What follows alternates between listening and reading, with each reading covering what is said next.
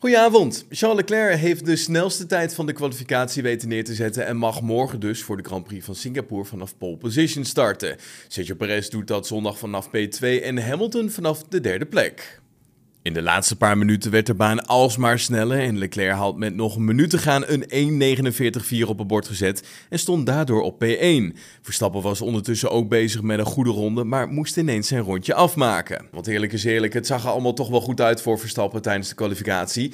Tijdens de derde sessie leek de wereldkampioen namelijk zijn zaakjes uitstekend op orde te hebben, want hij was namelijk razendsnel en leek toch wel met speelsgemak op weg te zijn naar pole position. Nou, het was dan ook even schrikken geblazen, in ieder geval bij mij, toen de Red Bull van Verstappen ineens naar binnen dook en de ronde werd afgebroken. Na afloop is het Horner die tekst en uitleg geven over de vervelende situatie en steekt hand in eigen boezem.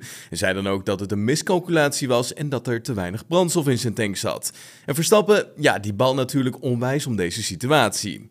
Ja, het is natuurlijk helemaal kut. Je fuelt de auto voor vijf ronden en je wil zes ronden doen. Dus die logica klopt natuurlijk niet. Dat zie je natuurlijk ook gewoon. Ik had die ronde ervoor gewoon af moeten maken. Als je toch weet dat het die ronde erna niet gaat lukken. Maar op een of andere manier kwamen ze daar pas te laat achter. Zo zei hij tegenover Viaplay. Eerder dit seizoen heeft Verstappen al meermaals laten zien dat hij een flinke inhaalrace kan doen. De kans dat hij dit kunstje dit weekend herhaalt is volgens Verstappen zelf echter erg klein. Hier in Singapore wordt het een lastig verhaal. Het is warm, alles wordt heet als je achter een auto rijdt en de banden worden enorm warm. Op dit moment denk ik dat ik gewoon even terug naar het hotel moet gaan en even tot rust moet komen. Want op dit moment heb ik er niet echt zin in. Al dus Max Verstappen. Ja, voor Hamilton zag het er eigenlijk ook best wel goed uit in Singapore. Eh, in de lastige omstandigheden van de opdrogende baan wist de zevenvoudig wereldkampioen namelijk zijn ervaring om te zetten en snelheid op de baan. Al moest hij toch wel nipt zijn meerdere erkennen in Charles Leclerc en Sergio Perez.